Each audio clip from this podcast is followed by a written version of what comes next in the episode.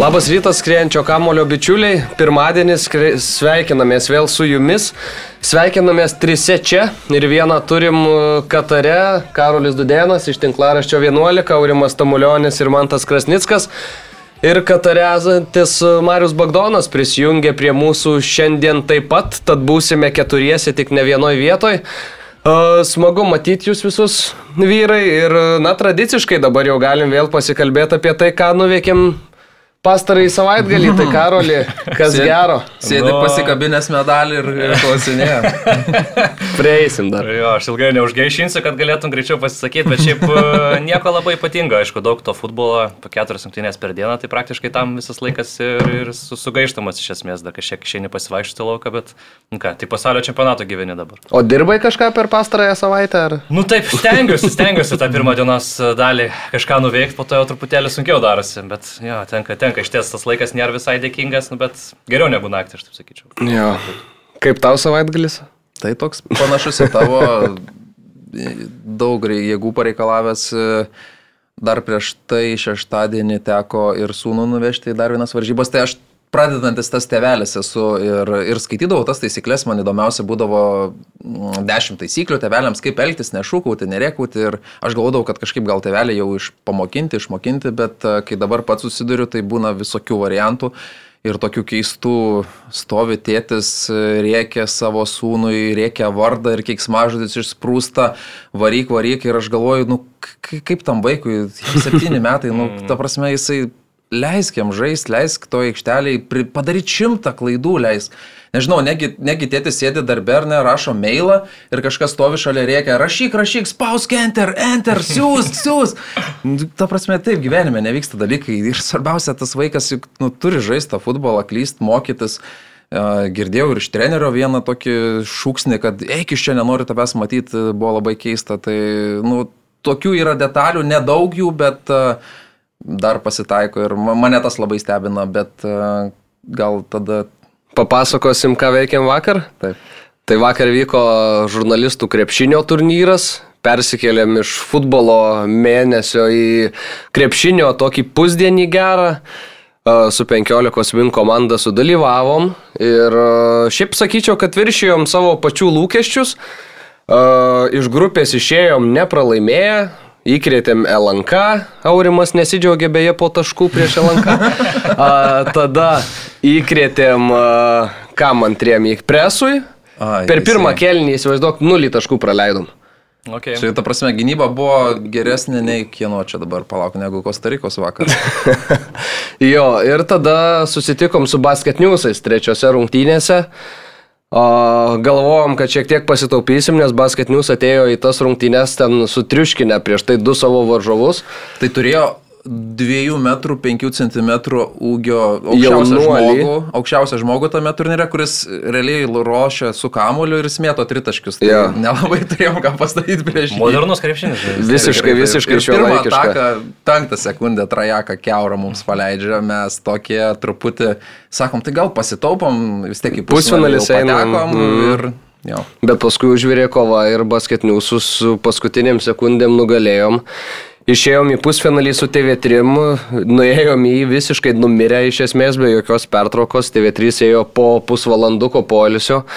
Gavom į kaulus iš tikrųjų tam pusfinalį ir gavom pelnytai, reikia pasakyti, sustatė zoną, leido mum mėtyti, mes mėtėm pro šalį.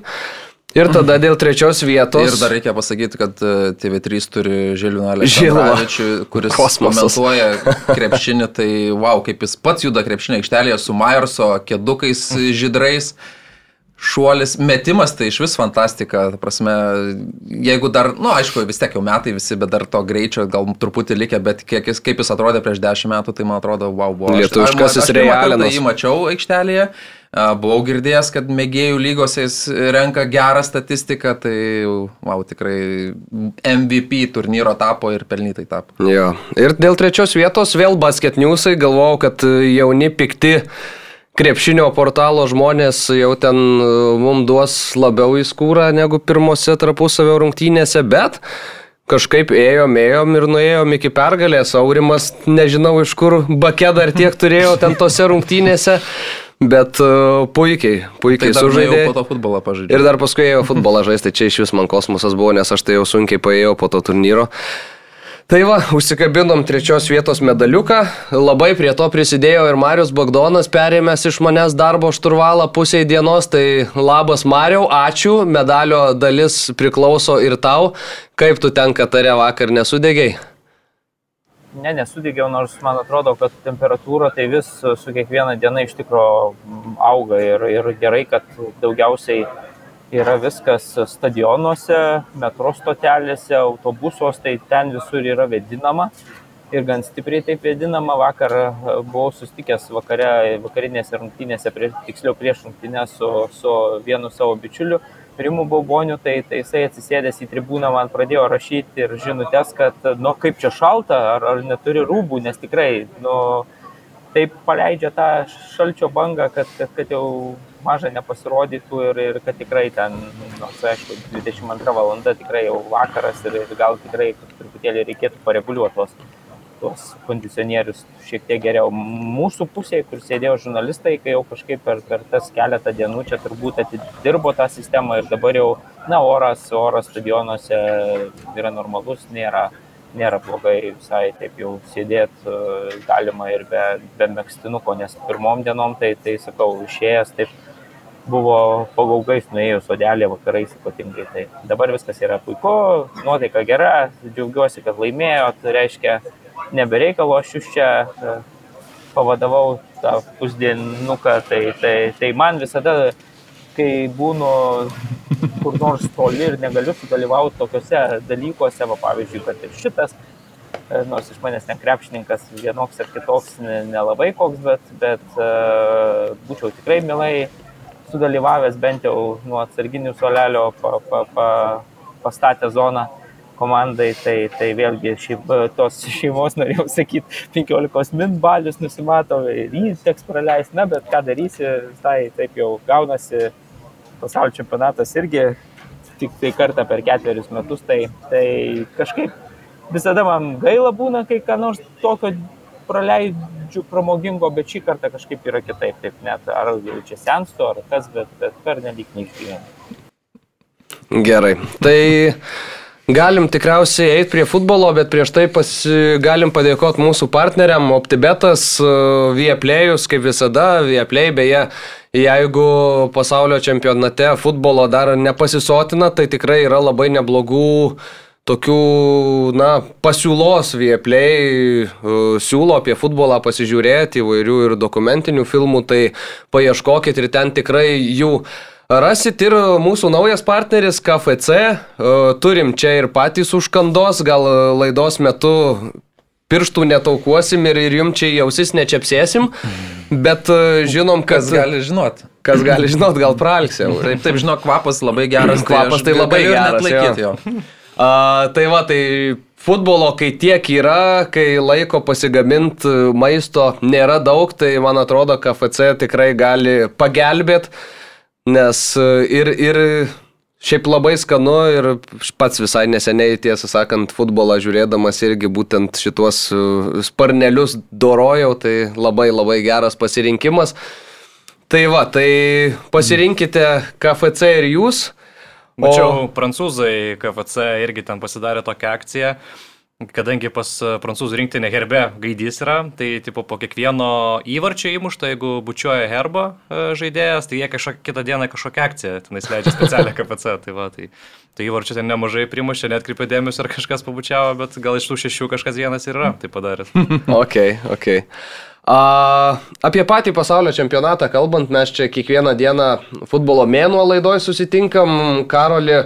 Kaip tau kol kas ta pirmoji savaitė, tai ką matėm, pateisino tavo tuos dėtus lūkesčius? Nu, tokie dviejopi iš tiesų jausmai, kalbant apie pasaulio čempionatą, daug labai tų visų užkulisinių dalykų, daug labai tų visų politinių, kurie kažkiek apkartina visą tą čempionatą, aišku, ir visą tą situaciją vien ten, kur jisai vyksta ir visi tie dalykai, ten daug tų straipsnių skaičiuoju ten apie tai, kaip, kaip ten tie da, žmonės, kurie realiai statė tos stadionus, tai iš esmės tenais turi važiuoti kažkur 30 minučių nuo pačios Dohos kažkokį specialų miestelį ir tik ten gali stebėti, nes realiai jų į tą fanų zoną neįleidžia, bilietų jie iš esmės negali sauliaisi įsigyti, nors jis yra per brangus, nors dabar matom, kad tie stadionai apitušiai yra, tai atrodo nelogiškai, tai daug va tokių dalykų, kurie tikrai, nu, taip apkartina tą visą čempionatą, bet Jeigu žiūrint į patį futbolą, tai tikrai buvo gerų labai rungtynių, yra, turim tų sensacijų, kurios visada labai maloniai nustebina ir labai jų laukia kiekvienais metais, kai kažkokia mažesnė rinktinė įveikia didesnė. Tai aš visą laiką labai už tos e, mažiukus e, sergu įprastai, jeigu nežaidžia prieš prancūzus. Už Kostariką. Tai, Tai va, ir e, šiaip e, viskas kaip ir ok, ir sakyčiau, vakar va, tos rungtynės e, vakarinės ispanų ir vokiečių jau buvo tos turbūt, sakyčiau, pačios kokybiškiausios ir pačios geriausios šiame čempionate. Mano abi komandos tikrai pateisino lūkesčius. Tempas labai aukštas ir matėsi kokybė iš abiejų komandų, tai sakyčiau, tos jau tikrai jau priminė tokias geras atkrintamųjų rungtynių varžybas mm. pasaulio čempionate. Tai va ir matysim, kas toliau, nes e, tos intrigos panašu, kad e, turėsim labai daug paskutinėme, mače, paskutinėme na, game week'e ir turėsime daug tiesioginių akistatų, tai, tai labai laukiu tų mačų. Jo. Tai prancūzai laimės. Aš nemanau, žinok, aš e, manau, kad jie stebėtinai anksti pasiekė gerą formą, nes įprastai jie dažnai buksuoja grupių varžybose ir jiems būna jie sunku, čia kažkaip jie stebėtinai gerai atrodo, bet aš kol kas matau ten tų silpnų vietų ir manau, kad yra šiuo metu geresnių rinktinių, kurios labiau, sakyčiau, geriau šansus vertinti patys ispanai, manau, ar brazilai, Nu, kad negu yra tie patys vokiečiai žaistų su prancūzais, tas spaudimas, manau, jis išmuštų pakankamai stipriai iš vėžių, tai, tai būtų jiems sunku iš ties. Bet kai turi Kilieną Mbappé, ar ne, savo aikštės pusėje, savo gretose, tai... Jo, tai svarbu jo, kad jisai tas progas, progas realizuotų, nes patėm kol kas, kad ir tokių labai lengvų progų nerealizavęs, bet uh, kitas, kitas įmuša, bet aš mane kiek labiau neramina, kad jisai neipatingai dauginasi ir tame krašte ten ypatingai dešinėje Danai nepasinaudojo, nors ten nuolat buvo erdvės, bet uh, jiem kažkaip to pasinaudoti nepavyko, bet uh, Tai ką tenais e, palieka, kokią laisvę Kilianas Mbappé, tenais man truputėlį neramu, kad gali stipresnis rinktinės praktiškai tuo pakankamai naudotis. Ok. Mario, gal šiek tiek e, iš tavęs norėsim apie Katarą, kad papasakotum šiaip apie tą savo kasdienybę, gal kuo tu ten užsiemi, ką tu ten veiki, ką valgai galų gale Katare. Jo, ką darai, alaus tai išgerti negali.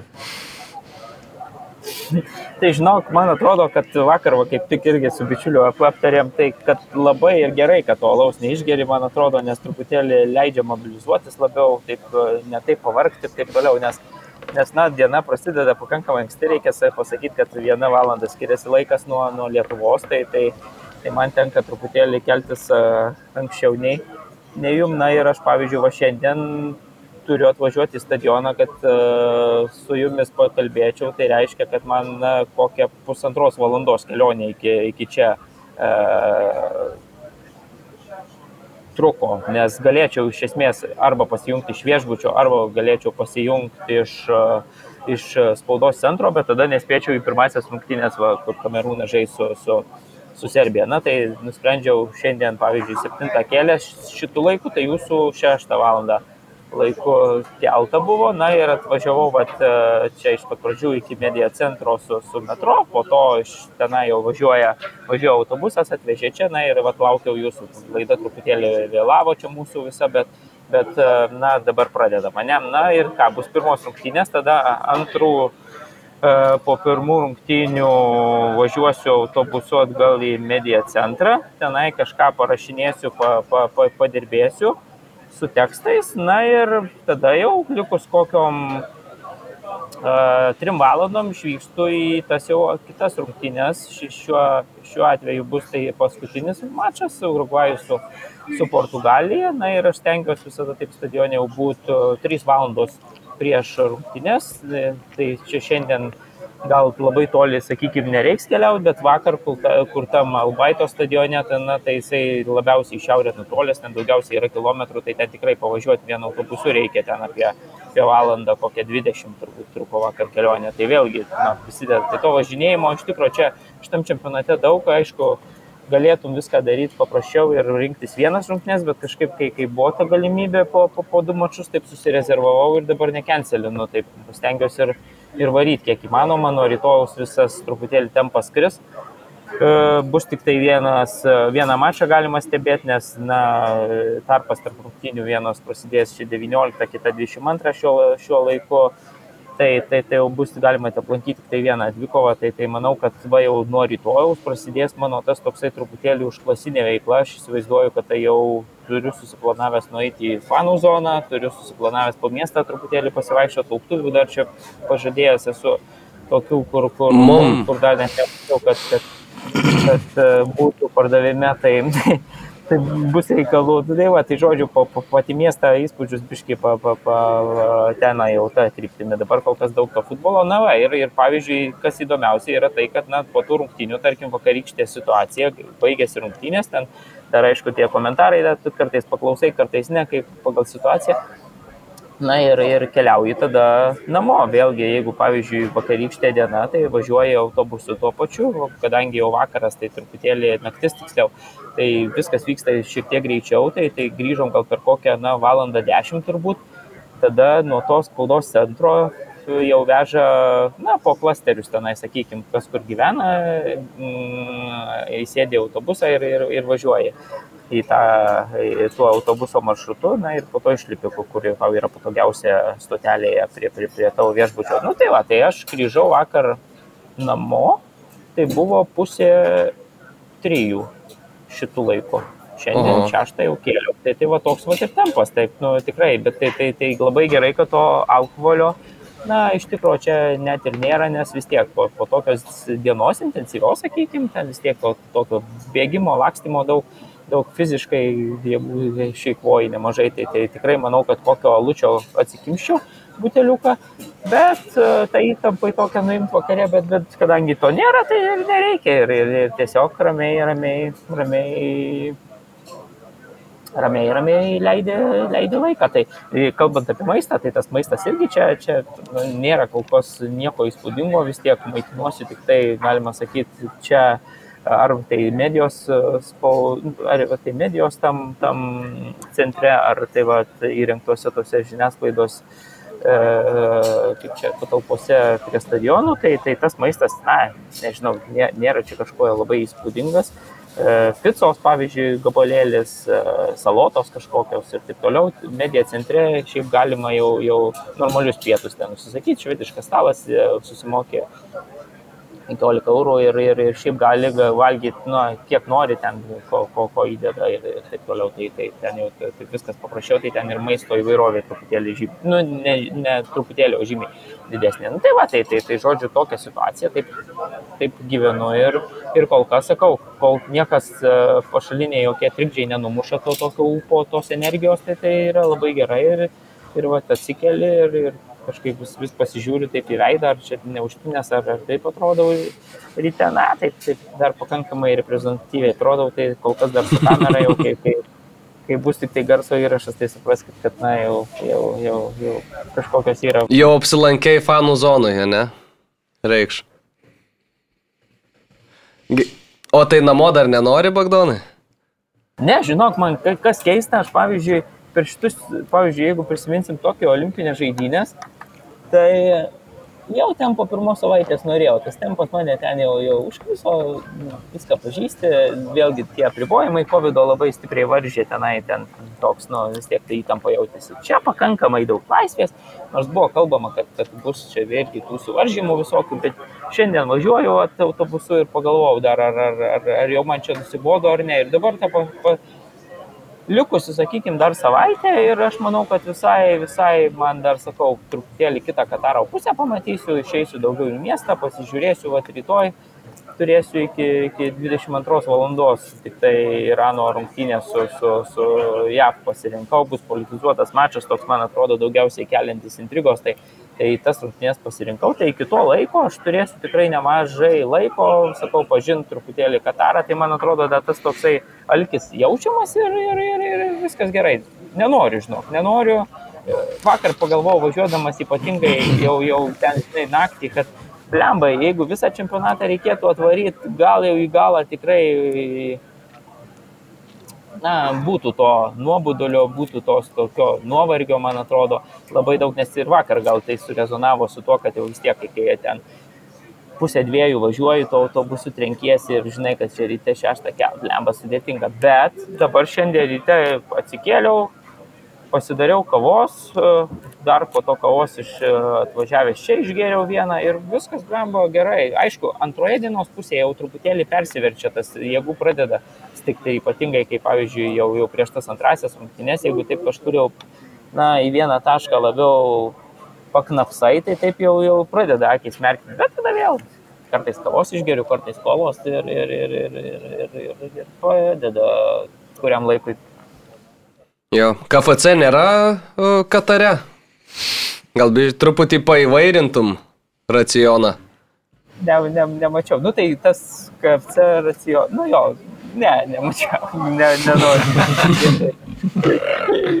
Laikų pauzę padaryti irgi gerai, yra kartais. Tai ne, nėra. Bet gali, manau, kad yra, šiaip, šiaip turėtų jau čia būti, bet, bet aš bent jau nemačiau to ten, pavyzdžiui, pro Lusaivo tą pagrindinę gatvę praėjau, tą promenadą, nu, ten tikrai įspūdinga muzika groja, ten nu, kalą, ten prieš rungtynės uh, serbai, man atrodo, su brazilai žaidė. Fantastiškai, tikrai toks, nu, nu tikras futbolo, futbolo, futbolo miestas atrodo, ten tikrai ir tų parduotuvių daug, tai aš nebejoju, kad uh, maisto įstaigų irgi tie pagrindiniai visi tiklai turbūt yra be jokios abejonės, bet aš sakau, man akis taip neuž, neuž uh, krito bent jau kol kas. Bet jeigu, jeigu pamatysiu ir bus kita laida, tai aš mielai pasakysiu, kad na, Kataras taip pat valgo tas uh, vištelių blausdelės ar kaip ten. Ir, ir, ir, ir, nu, žodžiu, pranešiu, vat, rytoj. Arba galėsi pa, pasi, pasidėti uh, kibirėlį ten irgi laidoje šalia savęs ir, ir visi draugiškai pa, pasisotinsim.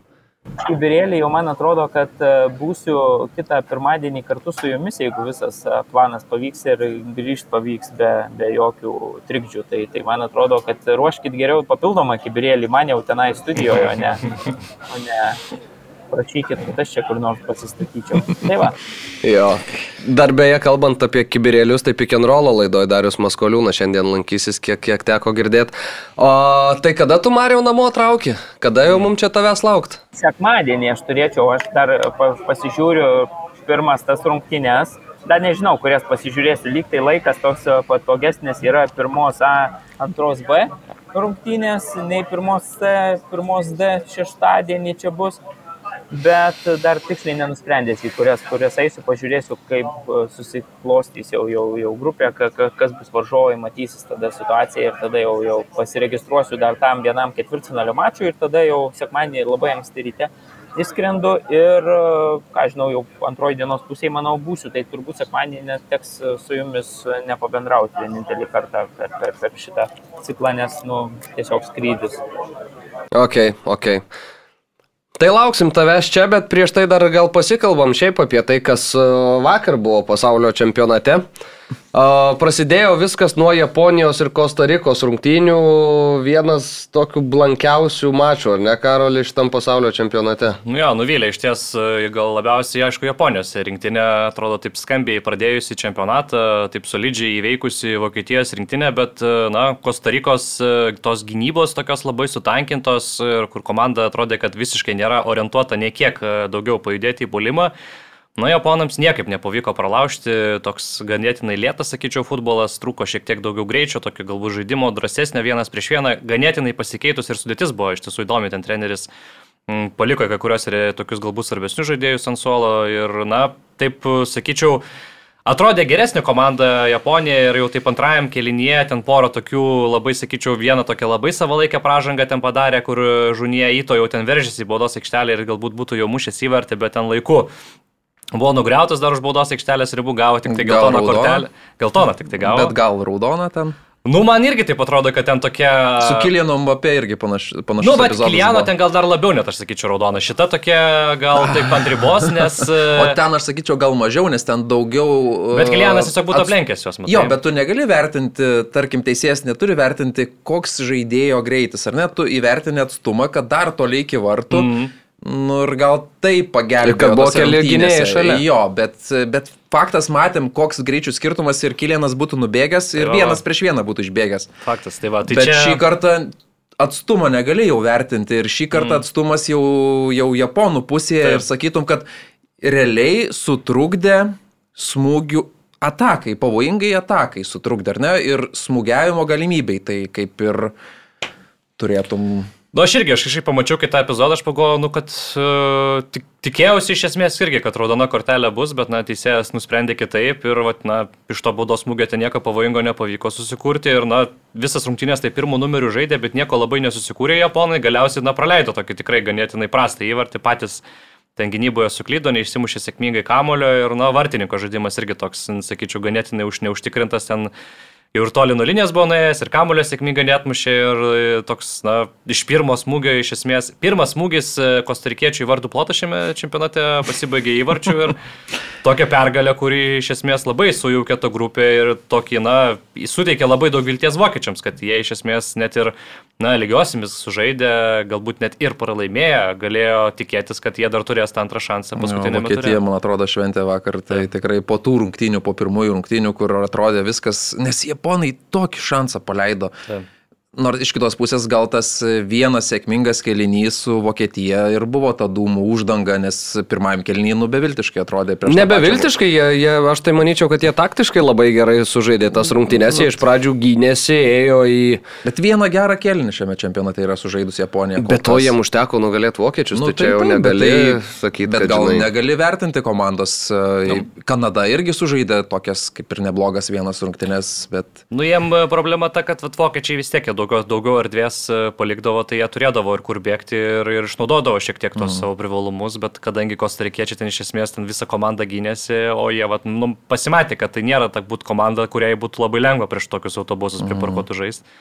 Neturi galbūt tokių ryškių greitų žaidėjų, viskas taip sunkiai pas juos. Tai... Bet ir turėjo dar pabaigoje, ten irgi progą vieną labai neblogą, ten Navas įstraukė. Tai Nu, bet jo, čia auksinis šansas, iš esmės, sutinku, palaidojo japonai, pergalė čia ir iš esmės tu kitame etape dabar tikėtina, kad, na, liksi tiesiog su grupiu etapė tom vienom gerom rungtynėm ir viskas iš esmės. Ja, tai dar uh, vartininkas, ar ne, japonų tikrai tam epizode negelbėjo savo rinktinės ir uh, Šiemet jis iškrito iš Japonijos aukščiausios lygos, tai žaidžia kaip ir outsiderių komandoje, nors jis ilgametis rinktinės vartininkas, mm. bet yra, turi ir jie išmitą iš Belgijos lygos, kuris nu, šiuo metu žaidžia kaip ir sakytum aukštesnėme lygyje, bet uh, treneris pasirinko jį ir šio, šį kartą tikrai negelbėjo, o dar man patiko uh, tai, kad Kostarika vieną smūgį ar net liko į vartų plotą per dviejas rungtynės, vieną įvartį pelnė, tai čia prisiminiau Lina Kleizą iš Pikenrolo, kuris Sedekerskį visada tarkuodavo kad tai reiškia tik vieną, kad e, per mažai smūgiuoja į vartus, tai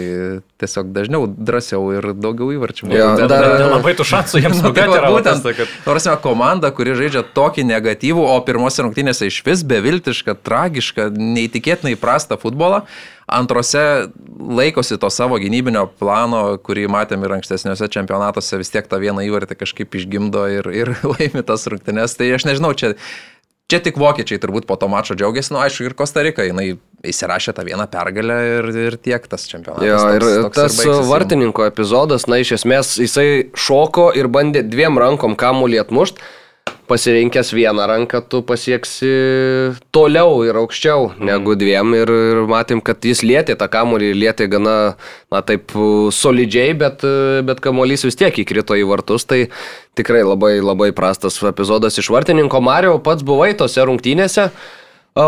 Kostarika su Japonija. Palaukit, truputėlį parodysiu kai ką. Gerai, dabar Marius intriguoja. Ai. Čia ką?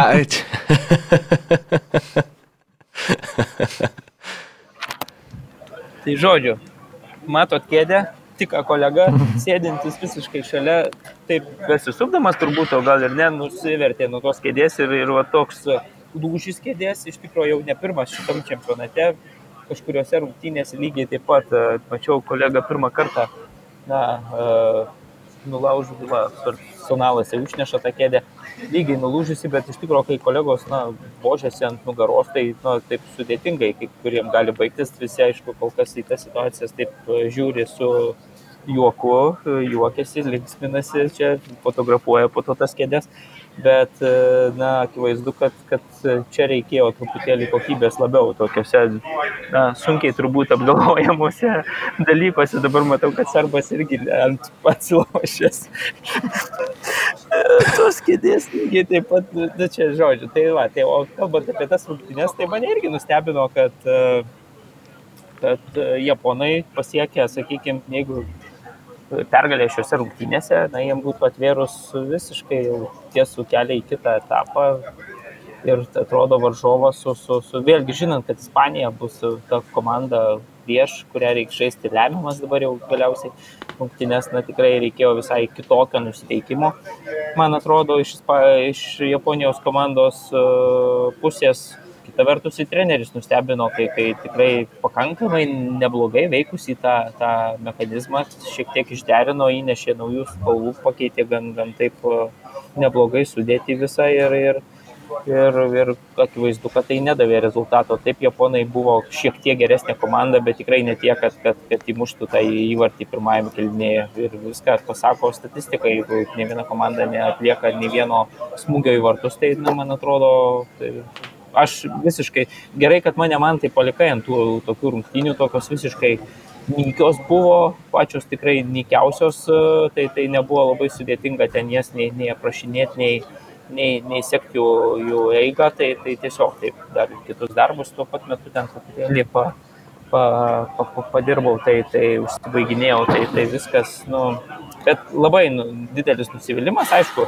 intrigos prasme vėl visos komandos yra turi šansų patekti į kitą etapą, tai, tai, tai, tai intrigos prasme yra labai įdomu, bet e, man atrodo, kad japonam tai turėtų būti didžiulis nusivylimas, nors kita vertus, jie, pavyzdžiui, tą pralaimėjimą, na taip vėl atrodė, man keistai reagavo, taip su tokiu, na, to japonišku santūrumu, jie ir džiaugiasi prieš vokiečius santūriai, ir čia, sakykime, pralaimėjo, bet vėl atrodo, jeigu tu sudėsi japonų tas nuotaikas tame mače, kur įspūdinga pergalė pralaimė, buvo iškovota, šitam mače, kur buvo patirtas toks labai nuvilintis pralaimėjimas, na, panašiai reaguoja žurnalistai, na, tiesiog taip, nu, nu tiesiog. Vat, vat, ir, ir vėlgi, aišku, vakariš, vakarinėse rungtynėse Ispanija su, su, su Vokietija jų irgi buvo japonų kolegų nemažai, tai jie jau ten akivaizdžiai palaikė Ispanijos rinktinę, visgi norėjo, kad, kad, kad uh, vokiečiai patirtų tą antrą pralaimėjimą, tai būtų dar uh, sustiprinę japonų šansus. Na, dabar jam, manau, bus labai sudėtinga prieš, prieš,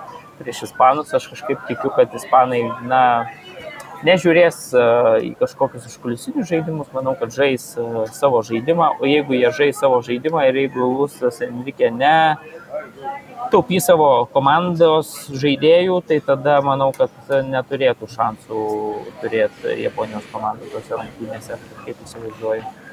Jo. Belgija, Marokas antrosios vakar dienos rungtynės ir tokios, sakyčiau, vėl.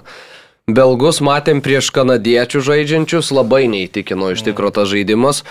Pergalė buvo iškovotas, lidi, ne, nepelnyta veikiausiai, bet nu 3 taškai ir galvoju, kad tokia komanda kaip Belgija, viską pati puikiai suprantanti, pasidarys išvadas ir prieš Maroką iš čia jis žaistų kokybiškesnį futbolą, bet, na, pirmajame kelinyje taip galbūt ir kažkiek galėjai sakyti, kad belgai yra geresni aikštėje, bet antrajame ir ypač pačioje rungtynių pabaigoje na, Marokas visiškai dominavo ir tikrai pelnytai susimušė tuo savo du įvarčius, nugalėjo belgus ir, na, ta mano drasi prognozija čempionato starte, kad belgus ten matysim pusfinalį ar finale, atrodo dabar kaip panašiai kaip Marijos prognozija, kad Kataras žengs į kitą etapą.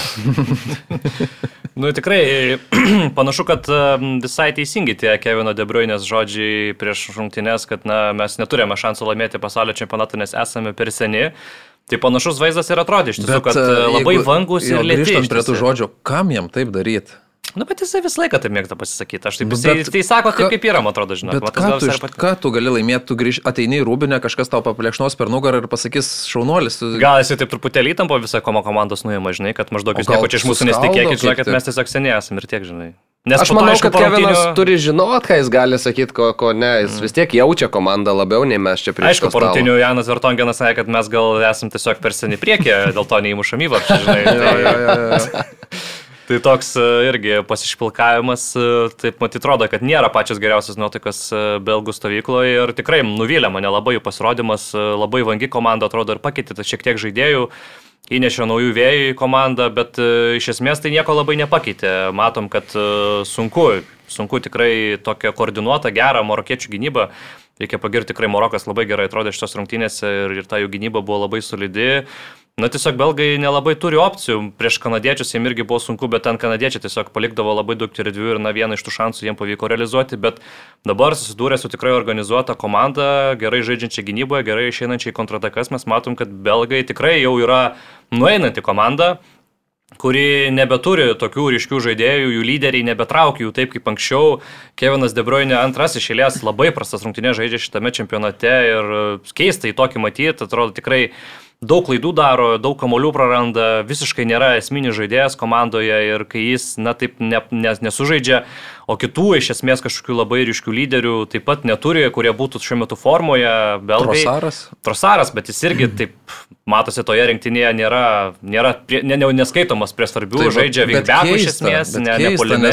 Geriau leidai žaidėją, taip, kuris nežaidžia Madrido tai, Realo komandoje. Tai iš esmės, sakyčiau, viskas taip sakyt, labai pelnyti ir logiškai susidėliojo iš tose rungtynėse. Dar apie Maroką kalbant, man labai patinka šitame čempionate Sofiano Marbato žaidimas saugų viduryje. Manau, kad įspūdinga čempionatą žaidžia atraminis saugas na, neturi tokių labai kitų gerų saugumo rokas, bet e, Amrabatas atrodo kartais, kad už du žaidžia ir, ir gynyboje labai gerai, ir, ir polime tos pirmus perdavimus puikiai atlieka.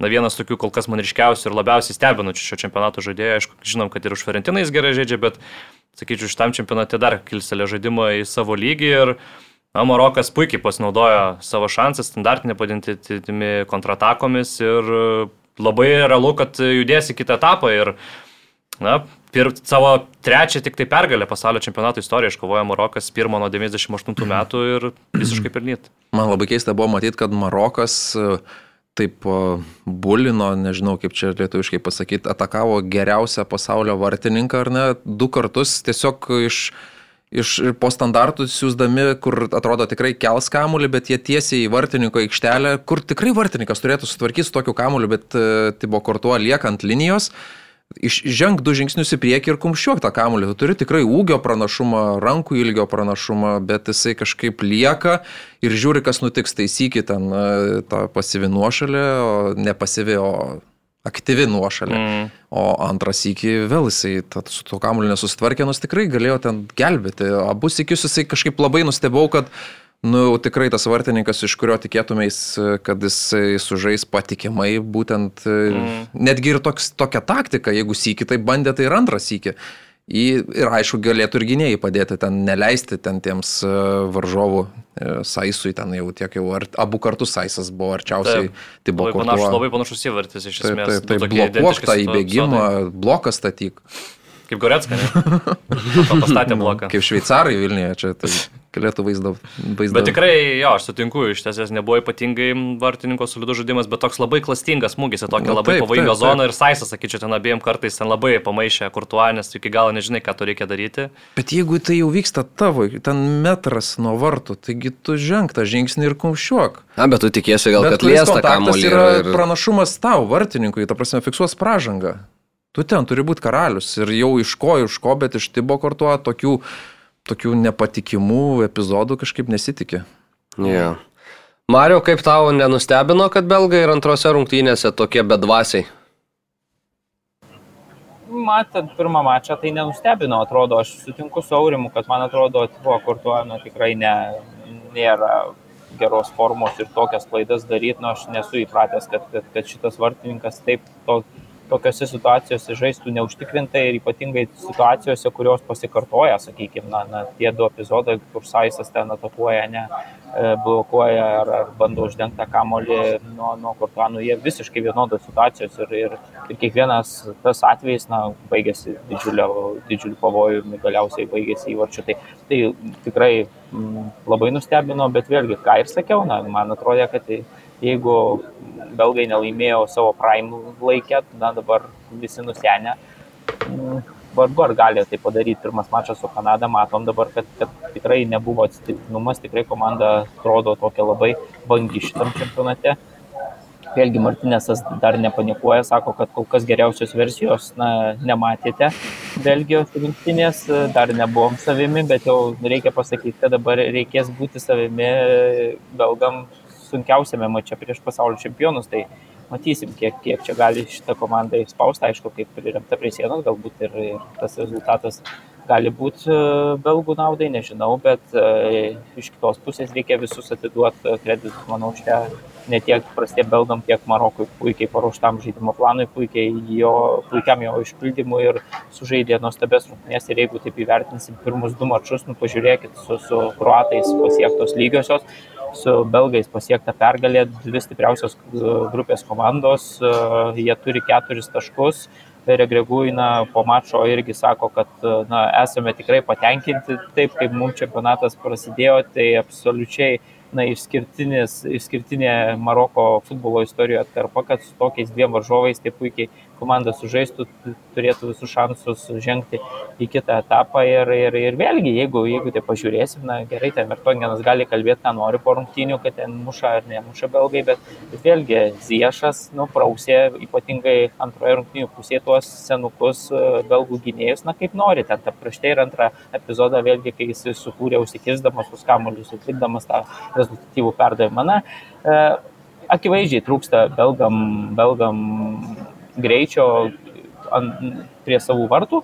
Ir akivaizdu, kad tos komandos, kurios turi įrankius tai padaryti, na, juo naudojasi. Ir, ir čia, aišku, vėl reikia pagirti treneriai, kad, na, puikiai išanalizavęs varžovą, matydamas jo silpnasis vietas, sugebėjo taip puikiai jomis naudotis. Tai, tai, tai Marokas tikrai nuostabus šitam čempionate ir, ir dabar net, na, nežinau, kas gali nutikti, jeigu šita komanda nepatektų į atkrintamasias, bet jeigu taip e, nutiktų netyčia ir pralaimėtų jie tą mačą, sakykime, Kanadai, tai mano galva, kad po tokių dviejų solidžių mačų su, su, su belgai, su kruatai, su tikrai didelėm komandom, na, būtų apmūdu, jeigu Maroko nematytume atkrintamosiuose šiais metais. Jo, ir ne vieno įvarčio vis dar nėra praleista. Mhm. Paskutinis varžovas toks silpniausias grupė, tai labai tikiuosi, kad Marokas žengs į atkrintamasis, tikrai nusipelnė šitą komandą. Ir netgi logiškai, dabar, žingsnio. žiūrint iš pirmos vietos turėtų žengti. Nu, jeigu laimės, aišku, būt. Kanada gali būti, kad e, kadangi jau nieko nebelems, tai gali būti, kad treneris duos tai žaisti tiem žaidėjim, kurie gal, pavyzdžiui, nežaidė tiesiog, ar kuriem galbūt paskutinis šansas, tai net jiem nėra labai tikslo ten tos stiprios sudėties leisti. Taip, taip, taip. Tai Marokui belieka tiesiog nepasišiukšlinti mm. ir pasimti tris taškus. Dar norėčiau akmenį įmesti Roberto Martinėso daržą. Matėm, kaip, pavyzdžiui, kruatai Ziešą stabdė ir kaip reagavo antram kelinį, tiesiog išjungė tą žaidėją, pastatydami 2-3 prieš jį varžovus ir tiesiog taip Maroko žaidimą Uh, mm. Lyderį atjungė nuo komandos antrajam kelnyje, tai reiškia, treneris galvoja, daro taktinius pakeitimus. Ką darė belgų treneris, nežinau, leisdamas tą patį Denazarą, kuris nežaidžia Madrido Realo komandoje, senų bagažų važiuodamas gynėjai, kurie jau žaidžia tik tais Belgijos lygoje. Jisai važiuojas, matom, Faisas kaip atrodo Lesterio komandoje, jis nežaidžia čia. Tai tie sprendimai tokie ir tu matai, kad visas rungtynės tave vienas žaidėjas prausia maudo ir tu nesiemi kažkokių ten pokyčių, kaip tas pats Marokas. Tai yra Kroatai prieš Maroką. Tai, žodžiu, Roberto Martinėsas kažkaip tikrai nuvilė ir gavęs tą auksinę kartą, kur belgai tikrai nu, talento ten daug, jis nieko su jais ir nelaimėjo. Jo, ir beje, po šitų rungtynių Briuselyje daug Maroko gyventojų, mm. marokiečių išėjo į, į gatves, kilo didžiulės riaušės. Ir, ir policija buvo ten su labai rimta, rimtu iššūkiu susidūrusi, teko ten panaudoti ir, ir dujas, ir, ir vandens patrankas, kiek mačiau, ir ten tie vaizdai iš, iš Briuselio gatvių tikrai buvo, na, tokie apokaliptiniai, kai kurie galit 15 min, beje, yra galerija tų vaizdų, tai tikrai galit susirasti. Ir aš pasižiūrėjau tokių dalykų, kas, kas per nesąmonę. Ir dažniausiai tos riaušės kyla, tu laimi rungtynės, ko, ko, ko, kokios riaušės, kas per nesąmonę, kam čia dabar daužyti, tai kažką laužyti, deginti, muštis, greuti. Nu, ja, aš nes, logikos, nes, man nesuvokiama. Ja. Marius kažką labai nori pasisakyti šitą temą. Jo, aš, aš šiaip esu pastebėjęs, vis neužmirštu pasakyti vis mūsų laidose, kad na, šitas čempionatas iš tos ir galių pusės iš tiesų yra, na, čia jokių konfliktų nėra, bent jau kol kas tose rungtynėse, kuriuose aš, aš, aš, aš buvau, čia ta prasme tikrai viskas labai daug per pozityvą, jeigu taip galima pasakyti, ir jokių alkoholio pirmas dalykas nėra, tai turbūt tai yra didelė, didelė įtaka, kodėl taip viskas vyksta pakankamai ramiai ir šventiškai, neperžengamos jokios ribos ir, ir, ir tikrai, na, netgi to šalių, pavyzdžiui, tokių, sakykime, kurių aistringiausia aistruoliai, kaip, kaip Argentina, kaip, kaip Meksika, abi dvi tos šalys, pavyzdžiui, žaidė tarpusavį. Ir tikrai, na, vieni pareikia, kiti pareikia, vieni kitus bando perėkti, bet tik taip konkuruoja. Jokie kumščiai, čia absoliučiai jokių kažkokių konfliktų na, netenka, netenka matyti, nors pavyzdžiui pasakyčiau, kad man atrodo apsaugos pareigūnai, tai čia na, taip yra tokie pakankamai silpnai atrodantis vyrukai, mano galva, ten, sakykime, na, tiesiog e, imigrantai aprengti tomis policijos ar ten e, saugumo uniformomis ir viskas, bet jie ten kuklus, nu, tokiem nežinau, smulkus, smulkus vyrukai ir man atrodo, kad jeigu ten vėlgi pamatytume, na, ten kokius, vat, serbų, kokie būna ir galiai, kuri ten, žinai, kad uh, tokia kovinė, kovinė parengtis yra uh, pamuštruoti vaikinukai, tai, tai man atrodo, net su jais tikrai būtų sudėtinga, sudėtinga pakovoti, jeigu toks reikalas būtų dabar, kadangi tokio reikalo nėra, tai sakau, jokių konfliktų per daug nėra ir to šitas čempionatas taip pat e, išsiskiria labai stipriai iš kitų. Aišku, dar anglų gerbėjų ne, ne, neteko matyti gyvai stadionuose, gal ten šiek tiek kitokia situacija, žinom, kad anglai vis, vis truputėlį mėgsta perlenkti lasdas e, tiek šalia stadionų, tiek tribūnose, bet, bet sakau, iš tos pusės tai tikrai yra išskirtinis čempionatas ir, ir, ir iš ką, nu, į ką vedžiau, kad Marokas atrodė, kad labiausiai arti tos, e, na, jau pavojingesnės zonos, nes tikrai jų yra labai daug jie yra tokie, na, vienas kitą palaikantis, tokie gan agresyvoki šiaip ir, ir tas jų palaikymas toks agresyvus. Ir pavyzdžiui, vakare teko važiuoti, važiuoti jau metro paskutinę atkarpą namo ten apie, apie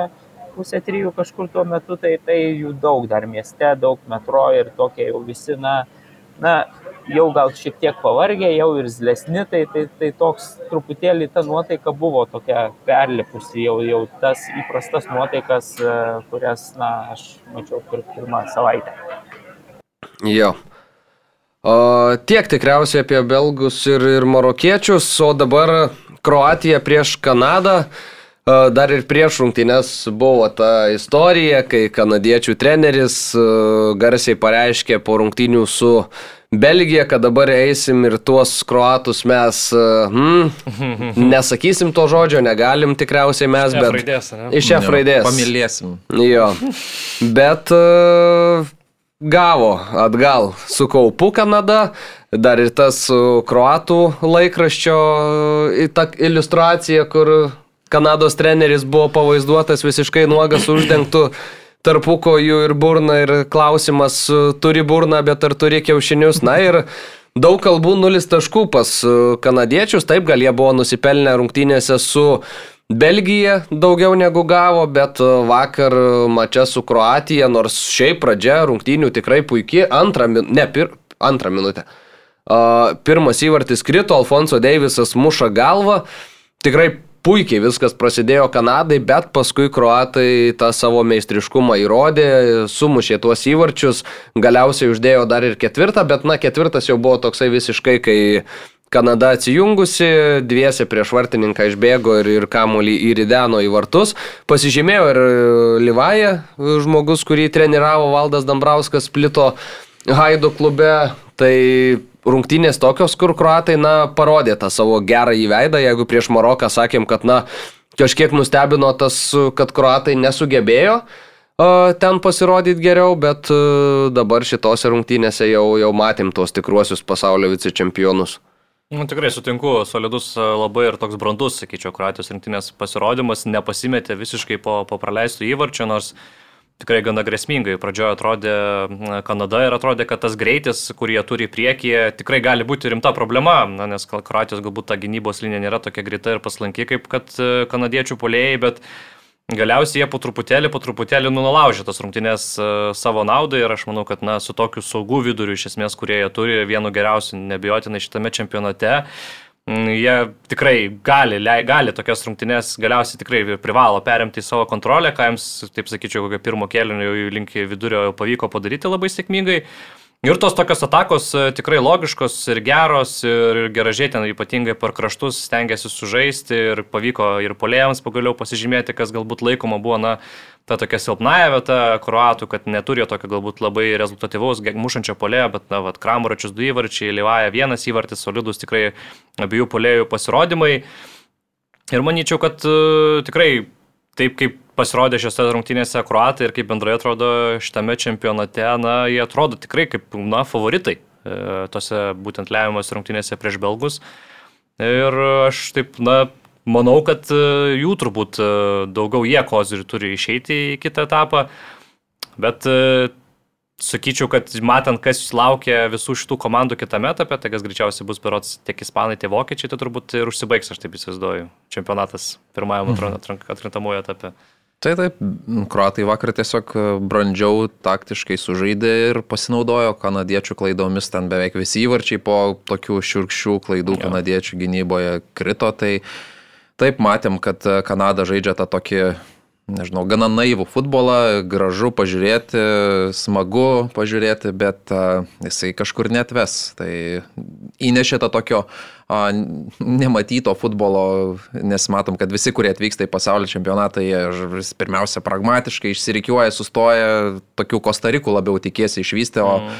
O kanadiečiai atvykę į pasaulio čempionatą nusprendė žaisti kitaip, dar ir treneris skambiais pareiškimais garsėja, bet kanadiečiai tiesiog tai kas man yra, kruatai pastatė į, į vietą kanadiečius. Jo, ir Ivanas Perišičius, beje, jeigu skaičiuosim pasaulio ir Europos čempionatus, prisidėjęs per savo, na, visą tą kelią yra prie 15 įvarčių, pats mušęs 9, atlikęs 6 rezultatyvius perdavimus ir 5 daugiau negu bet kuris kitas Kroatijos žaidėjas, nors gal tikėtumėsi, na, spėdamas, kad Na, pasaulio sakyt, čempionatuose? Pasaulio ir Europos. Ai, kartu, mm. kartu skaičiuojant. Mm tikėtumėsi gal, kad Luka Modričius turėtų būti tas žmogus, kuris, na, pirmautų pagal šitą, šitos rodiklius, bet vis dėlto Perišičius yra tas e, numeris vienas Kroatijoje, kur na, daugiausiai prisideda prie tų įmušamų ir sukūriamų įvarčių. Tai dar Kovačičius lab, labai vakar gerai mm. sužaidė, labai geras taip, taip, taip. O Kramaričius uh, pelnė dublį. Taip. Tai va. O Mario, kaip tau šitos rungtynės prisišnekėjo Kanada? Jo, Kramaričius beje net ir dubliai mušęs ir, ir po rungtynių kalbėjo, kad sakė, kad turim padėkoti Kanados rinktinės treneriui, nes tai mums tikrai suveikė kaip labai gera motivacija. Ir, ir, ir nors kita vertus, pavyzdžiui, ir manau vėl buvo paklausta po, po, po šitų rungtynių, ar jis nesigaili, kad na, čia taip supykdė, taip pasakė tuos žodžius prieš šitas rungtynės, tai Kanados treneris taip, man atrodo, labai iškalbingai pasakė ir, man atrodo, puikiai iliustruoja, koks yra šitų dviejų komandų pajėgumo skirtumas. Jisai sakė, kad, na, aš tikrai nesigailiu. Dėl to, ką pasakiau, man atrodo, kad, na, vis tiek šitam čempionate mes įgavom labai daug patirties, kuri mums svarbiausia bus e, po ketverių metų, kai čempionatas vyks e, Kanadoje, Meksikoje, Junktinėse valstijose. Ten mes žaisime namie, ten mes norėsim parodyti, na, ką galim, šitą komandą e, paaugs dar ketverius metus, tai, tai, tai tu matai, kad Kanada visgi taip nustebino pirmajame mačiu puikiu žaidimu, ne, nepasiekė jie to rezultato, po šito pralaimėjimo jie jau viskas net ir žengti toliau neturi jokių galimybių, bet tu matai, kad, na, taip sakykime, net jie patys nelabai tikisi, kad, kad, kad na, čia galėjo žengti į atkrintamasias, man atrodo, jiems svarbiausia buvo dalyvauti, jiems svarbiausia buvo sugrįžti į pasaulio čempionatą, kaupti patirtį, įmušti įvartį, ką irgi Alfonso Deivisas padarė, kas, kas irgi galim prisiminti, kad prieš 36 metus jiem nepavyko. Na ir, ir paskutinėse rungtynėse jie sakė, vėlgi, mums svarbiausia bus mėgautis futbolu, na ir pabandyti laimėti pirmasias rungtynės. Tai va jie turi tokių, sakykime, tikslų, kurie nėra ilgalaikiai, jie yra trumpalaikiai, tai mušti vartį, iš kovo dabar tris taškus, pergalę, kuri, kuri bus pirmoji istoriniai, bet tu matai, kad, na, iš tos retorikos, kad visgi skiriasi turbūt tos ambicijos, kokias, pavyzdžiui, turi kruatai. Ir vėlgi pritarsiu visiškai Karoliu, kad, na, taip kaip jiem prasidėjo šitas mačas, iškart praleidai, tu gauni tokį, atrodo, šaltą dušą, bet jie tikrai puikiai kontroliavo rungtynės, puikiai žaidė, užtikrintai. Na, viskas, viskas tikrai solidus labai mačas ir irgi sutiksiu, kad, man atrodo, kitame mače, jeigu visą kontrolę taip išlaikys labai gerai kruatai, tai na, tikrai jie turi kur kas didesnius šansus žengti toliau nei, nei belgų komanda ir vėlgi jiem užtenka lygiųjų, tai tas irgi labai, man atrodo, svarbus dalykas. Jo. Ir ką, perinam prie paskutiniųjų vakar, vakaro, vakar dienos rungtynių, bet jos buvo na tokios laukiamiausios, daugiausiai intrigos ėjusios. Daug kas galvojo, kad vokiečiam tai bus iš vis mirk arba gyvenk mačas, bet japonai o, prisi... Hmm, pasišiukšlino. Pasišiukšlino savo rungtynėse ir, na, vokiečiai dabar jau net ir pralaimėjimo atveju vis dar būtų buvę gyvi. Pavyko išplėšti lygiasias Vokietijos rinktinė, vienas vienas sužaistas su Ispanija, nors e, praleido pirmieji, Alvaro Morata pasirodęs po keitimo, mušė įvartį. Dviejose rungtynėse iš eilės, kilęs nuo suolo, Alvaro Morata muša po, po, po, po įvartį, aišku, prieš Kostariką tai buvo lengviau padaryti.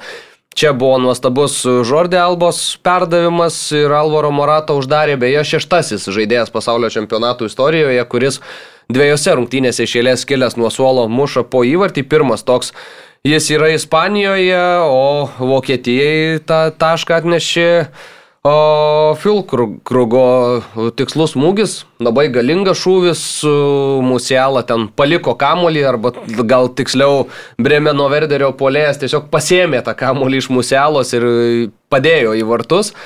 Bet uh, vokiečiams buvo sunku ir ispanai, taip imant gal visas rungtynės, visa, visų tų rungtynių kontekstą buvo kažkiek galbūt ir geresnė komanda. Tiesiog vokiečiam pavyko tą taškelį pasimti. Ta taškelį, aišku, kuris dabar bus labai svarbus.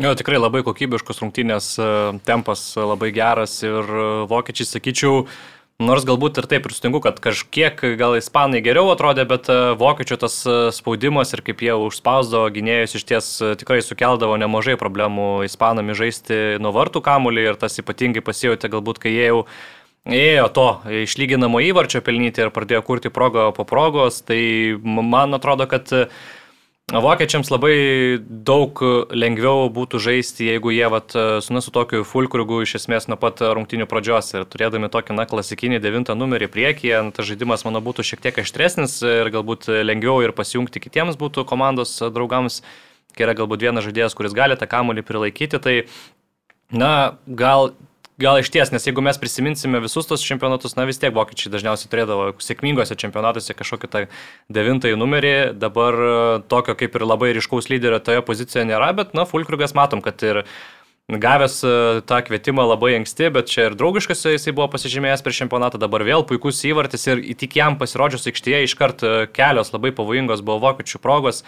Muzialą, manau, ten arba pats turėjo mušti, arba tam pačiam Fulkrigui kamuolį perduoti, kad e, būtų tiesiog, na, būtų lengvas įvartis ir vienas vienas. Tai man e, taip visumoje vertinus, aš nejaučiu ypatingai didelio nerimo dėl Vokietijos rinktinės. Aš manau, kad jie ir su Japonais e, žaidė tikrai labai gerai. Ta vieną kelnį, antrajame kelnyje jie irgi turėjo progų tą rezultatą pasidaryti savo palankų, bet klydo gynyboje. Vat aš galbūt kur matyčiau šiek tiek tą problemą, tai Tai gynybos grandyje, manau, kad na, šį kartą be Šloterbeko pradėjo, bet e, Ziulė irgi grubiai suklydo, tenais paleido Moratą, aišku, Moratos užbaigimas ten visiškai fantastiškas, bet na, nesužiūrėjo savo žmogaus, paleido, gavo įvartį, tai tokia, na, yra tų problemėlių gynyboje, dešinio gynėjo pozicijoje, vidurio gynėjo, na, nėra tokio patikimo galbūt e, gynėjo šiuo metu. Bet e, grįžo Sane, muzialą toliau puikus, tad manau, kad na, vokiečiai po truputėlį, po truputėlį įsivažiuos. O nu, ispanai Na, klasikinės jų geros rungtynės, aš sakyčiau, šiek tiek gal išsiderino jie po tų keitimų, kurios, kurios atliko, bet uh, jiems tai ir vienas vienas, manau, kad čia gerai, per daug labai jie, ne, ne, ne, manau, neišgyvens ir turėtų mano pirmą vietą išėti iš tos. Marius, beje, teigia žinas, kodėl Ziulė žaidžia starto sudėtyje Vokietijos rinktinėje, gal galėtum atskleisti tą paslapti ir mūsų žiūrovam. Ne, aš vakar pajokavau čia kartu mūsų čia, kad, kad sakau, turbūt Ziulė kažkokią žino paslaptį fliko, kur, kur, kuri yra gal nešvanki kokia nors ar, ar, ar, kaip nors ir, ir, ir, ir visada grasina, kad, na, jeigu neleis jo į aikštę, tai jisai tą paslaptį atskleis visam pasauliui, tai nes kitaip, na, man atrodo, taip pasitikėti žaidėjų, kuris kiekvienose rungtynėse yra visgi taip stipriai atakuojamas, krepšinio terminais kalbant ir, ir na, klysta netgi ir grubiai klysta ir, ir tos e, klaidos kainuoja įvarčius, tai na, yra keista, aišku, vėlgi reikia pasakyti, kad ir turbūt e, tokios lygiavertės jau labai stiprios e, pamainos arba žaidėjo, kuris galėtų užpildyti tą vietą vokiečiai taip pat turbūt neturi, bet variantų man atrodo, kad reikia ieškoti, nes, na, ziulės, ziulės tas nerangumas uh, tikrai yra, yra labai labai jau akį rėžintis. Ir vakarykštėse vėlgi rungtynėse, na, ispanai nuostabiai, iš tikrųjų, jeigu taip pažiūri visą aikštės plotį, tai, tai jie nuostabiai tą presingą vykdo tokiu būdu, kad tas kamolys anksčiau ar vėliau vis tiek atsidurtų tų žaidėjų, kurie su tuo kamoliu elgtis moka prasčiausiai varžovų komandoje kojose, ne? Tai arba pirmo atveju labai dažnai tai darydavo, kad traumui atvyksta kamolys ten kažkur prie kampinio vėliavėlės ir tada jau jisai nežino, kur daryti, e, ką, ką su juo daryti ir, ir bando ten lūpti kažkur į priekį, kas ne visada pavyksta, arba ziulės, sakykime, leidžia jam pakankamai eiti į priekį iki vos ne aikštės vidurio, kamolys tada atsiduria pas ziulę ir ziulė tiesiog neturi ką daryti ir buvo tokių epizodų, kur tokį perdavimą kišai absoliučiai bet kur į niekur. Nu, toks grinai, kaip mes žaidžiam su 15 minučių sportimui, toks, nu, kur, kur tu ten reikia, kad perdavimas niekur. Tai jisai irgi lygiai taip pat į tą vidurį aikštės ten kažkur kiša, kur kojų daug iš karto baigėsi praradimu. Žinom, kad tokio vietoje prarast kamuolį, dar turi tą patį ziulę ten greitai, greitai apibėgi, greitai įmuši, nu, nežinau, labai nuvilintis dėl to dalykas. Iš kitos pusės, na, vokiečiam reikėjo laimėti šitas rungtynės, jie to padaryti nesugebėjo. E, nesakyčiau, kad ispanai žaidė geriau, man atrodo, gal vokiečių net irgi progos, jeigu, jeigu taip jau žiūrėsim, kokias jie turėjo, buvo truputėlį netgi geresnės.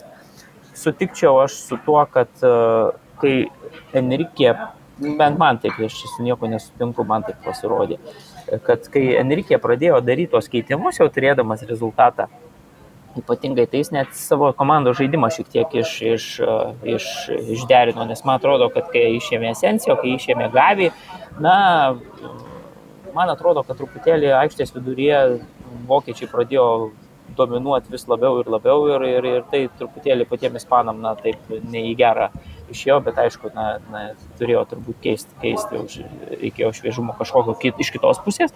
Na, sakykime, su Moratos pa, tuo keitimu treneris pate, pataikė, tai, tai, tai čia viskas, viskas yra gerai. Tai, tai, tai va, tai, nu, vokiečiai, ta prasme, viskas dabar jų puikus jiem rezultatas, vienas vienas yra gerai reikia 9-0 laimėti prieš Kostariką ir absoliučiai jokio skirtumo, kaip kitose rungtynėse, kas pasibaigs. Aš šiandien važiuodamas, man atrodo, suskaičiavau, 9-0 rezultatas ir viskas keliauja į krintamasias visiškai nepriklausomai nuo to, kaip pasibaigs kitos rungtynės tarp Japonijos ir Ispanijos. Nu, viskas savo rankose.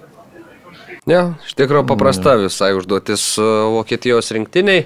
Nu, tai dar pritarsiu Mariui dėl tų keitimų Luiso Enrikės, tai ir Žordė Albos pakeitimas e, patyrusio, gal jau ir tokiuose kojose, gal tiek nebėra tos prokstamosios jėgos, bet e, kai baldė išėjo į aikštelę, atrodė, kad jis pametė poziciją tame momente, kai vokiečiai būtent ir lygino rezultatą tame krašte ir įvyko ta ataka.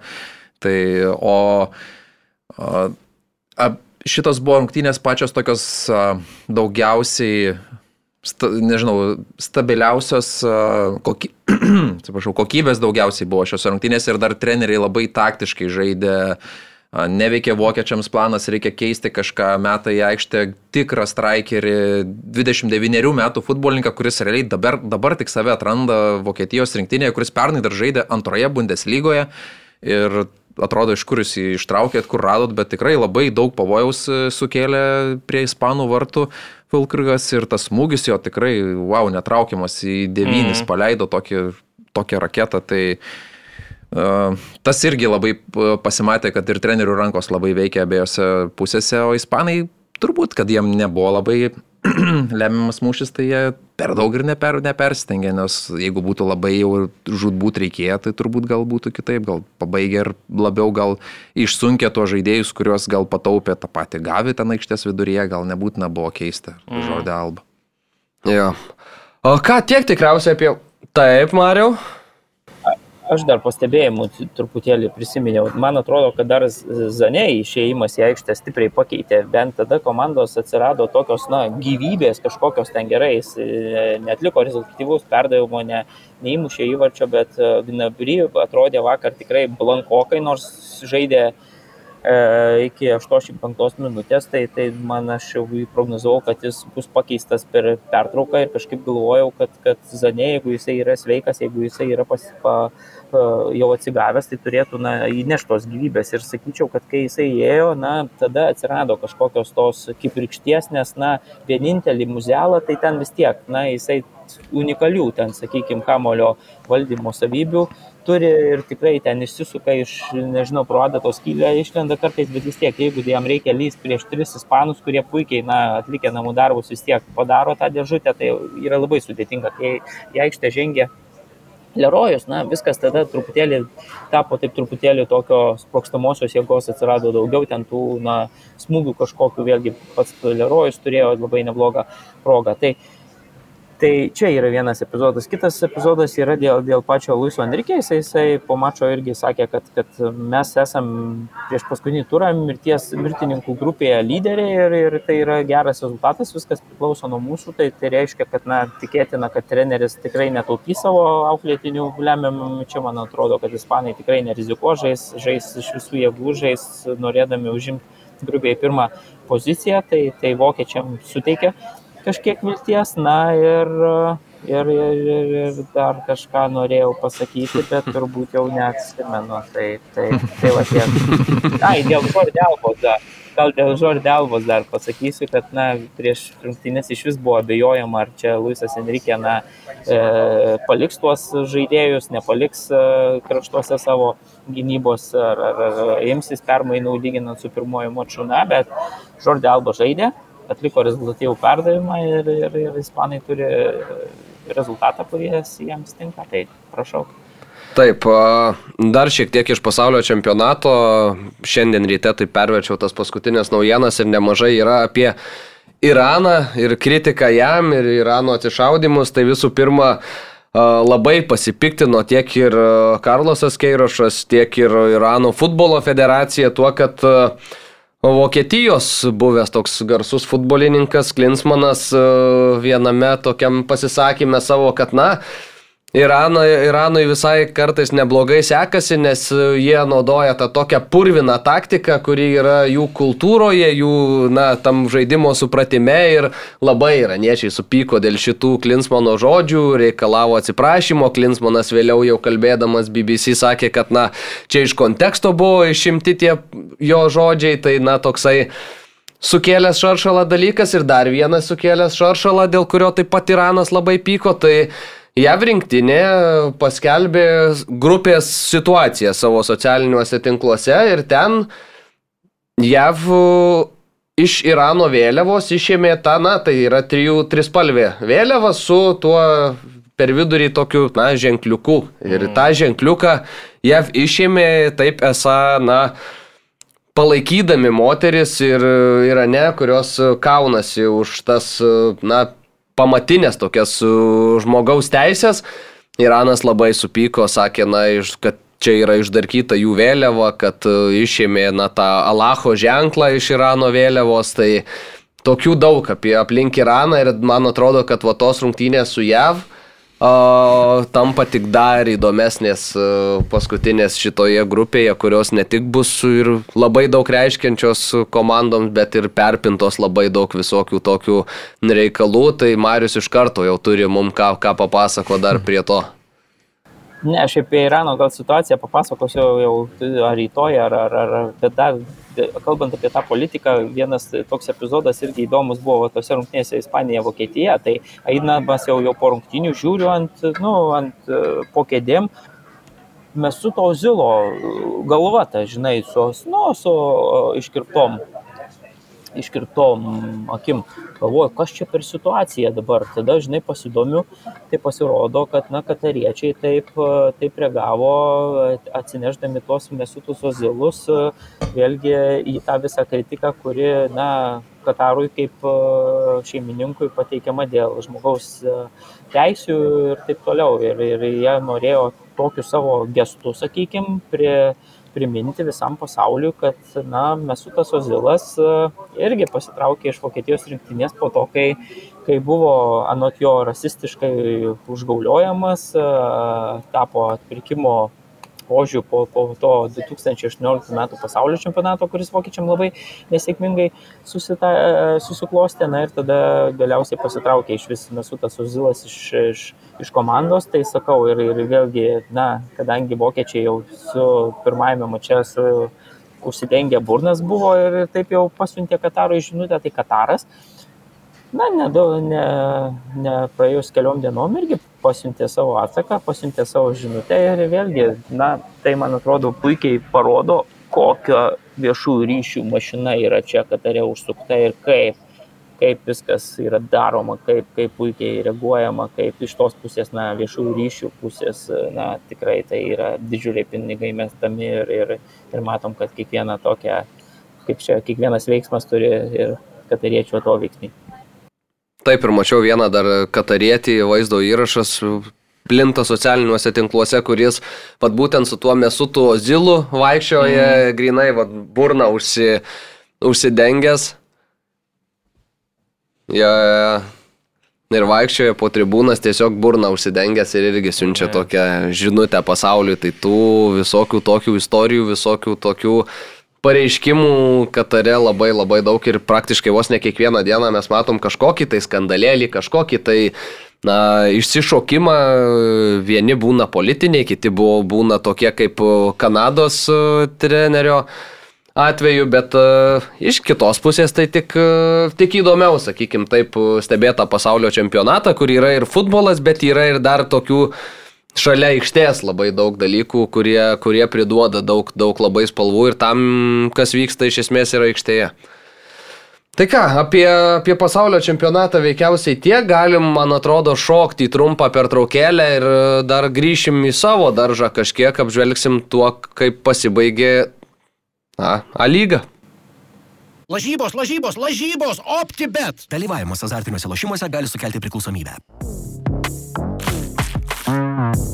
Visada šviežia. Tobulo skonio. Tobulai traški vištiena. KFC. Tikrai traški vištiena. Sveikiname Aurimą Urboną, kuris... O, ne? šį kartą dar ne. A, kuris laimi pusės metų Vieplay prenumeratą. Klausime, kaip baigsis Argentinos Meksikos rungtynės. Aurimas Urbonas atspėjo, jam atitenka prenumeratos kodas, susitie, susisiek su mumis Aurimai ir tą kodą būtinai tau atsiūsim. O naujas e, Vieplay konkurso klausimas būtent Kroatija, Belgija, rungtynės, apie kurias kalbėjom kažkiek ir šiandien, kad jos bus tikrai įdomios ir svarbios abiem komandom. Tad atspėkite, kaip baigsis e, tas susitikimas ir galbūt Vieplay taip pat pusę metų, kaip Aurimas žiūrėsite visiškai nemokamai. Ketvirtadienį beje Kroatija, Kroatija žaidžia su Belgija, tad e, paskubėkite tuos savo spėjimus pateikti. Na ką, ir dabar galim perėti prie A lygos, kuri finišavo paskutiniuoju turu, tas turas buvo labai intriguojantis, turas buvo, na, su labai daug nežinomųjų. Galiausiai Kauno Žalgeris antras, Panevežys trečias, Kauno rajono Hegelmanas ketvirtas ir penktoje vietoje liko riteriai. Nustebino kažkiek jūs vyrai toks išsidėstymas ar viskas daug maž logiška? Prie prizo trumpam gal grįšiu. Aurimas Taip. Urbanas tai yra žinomas krepšininkas Lietuvos. Aš manau, kad čia yra kitas Aurimas ja. Urbanas. Bet čia netikrinau profilio, bet uh, kažkiek ne, man, man net, ne, netrodo, ne. kad čia tas Aurimas. Arba Donatas Urbanas pasislėpęs. jo, tai apie lygą. Nežinau, net e, aš sakyčiau, kad turbūt, jeigu imt visą sezoną, turbūt e, logiškas tas išsidėstė tos turbūt komandos, kurios ir buvo daugiausiai laiko turbūt tam ketvirtį, tai jos galiausiai vienaip ar kitaip tenais e, finišavo. Mm, Aišku, žinom, kad Hegelmanui ten viskas taip sunkiai labai dėliojasi paskutiniam turė, ten riteriai buvo išsiveržę išvyko į priekį 2-0 ir, na, taip jau sviravo jų tos pozicijos, bet e, pavyko, pavyko atsitiesti, Karašimo įkvėptas savo tautiečių, kaip tik tą pačią dieną ir Japonai Vokiečius buvo įveikę, įspūdingų smūgių ten rezultatai išlygino. Ir perdavimą prieš tai dar atliko. Jo, tikrai puikios, puikios e, Japono rungtynės, e, na ir pavyko išsaugoti tą ketvirtą vietą. E, Na, Vilnių Žalgeris, taip sakykime, sudėti jau pamačius, galbūt prieš rungtynės jau pasimatė, kad tenais ne, nebus turbūt taip jau susikoncentravę ir taip jau žudbūt siekiantis tų, tų trijų taškų, bet Na, tie žaidėjai, vat, ypatingai kažkienas, tai, tai ir parodė paskutinės rungtynėse, kad, nu, netraukia tikrai lygio ir čia šito vieto reikia, reikės sprendimų šią vasarą, bet mm, solidi, solidi tikrai Kauno Žalgerio pergalė išvykoje, nors ir at- kažkiek dar rezultatą pašvelino, kad nebūtų visai gėdingas sezono uždarimas, bet solidi ta pergalė, nu, o panevežys irgi, aišku, turėjo ten išgašėjo tokį šiokį tokį, tas Jonavos įvartis nustebino kažkiek, bet du labai gražus įvarčiai, ten nu, praktiškai kaip ir Čarlisonas tenais uždėjo tiek Kačią, tiek Elivelton. Aišku, bet liko vėliau mažumoje, bet vis tiek nusugebėjo išlaikyti tą sėkmingą rezultatą. Tai turbūt tai visumoje paėmus, turbūt tos komandos ir nusipelnė labiausiai, aš taip sakyčiau. Ketvirtukė, aišku, riterių kažkiek gaila, tas jų tas toks sezono pabaigos, ta forma ir tas toks kilimas į tą lemiamą šturmo tikrai vertas pagarbos. Na, šį kartą šiek tiek pritrūko. Tai, bet turbūt logiška, aš manau, viskas. Jo, o taip, Gaila kažką. Lietuvos e, futbolas ir galių, kurie paskutinį lemiamą turą, kuris tikrai toks svarbus, toks intriguojantis, nežinau, kada mes turėjom tokią intrigą, a, turim žiūrėti jį per pasaulio futbolo čempionatą tą pačią dieną, turim žiūrėti, kai laukia jau prisnygę, šalta, šlapia, patys futbolininkai turi žaisti siaubingomis sąlygomis, e, pyksta ant manęs, kad aš neinu į tą lygą, bet nueiti į svarbiausią sezono mačą, nežinau, čia dešimtmečio e, sezono finišas buvo. Nu tai būdavo ten Mm, auksinių rungtynių, taip. bet tai ten spręsdavosi, kas tap čempionu. O Nu, šiuo bet atveju... čempionas yra čempionų lyga. Nu gerai, bet tai šiuo atveju... Ten svarbiau, Aurimai. Nu, Čia gerai, tiesiog svarbiau, bet vis tiek buvo labai intriguojantis finišas, labai įdomus, tikrai visi mačai įdomus e, tuo, kad bet kaip gali bet kas susidėlioti ir tada turi tai, ką turi, nu, apverktina, liūdna, tragiška, čia nepagalvota, nei- neįvertino, kad Vilnių Žalgiris gali patekti į Europą.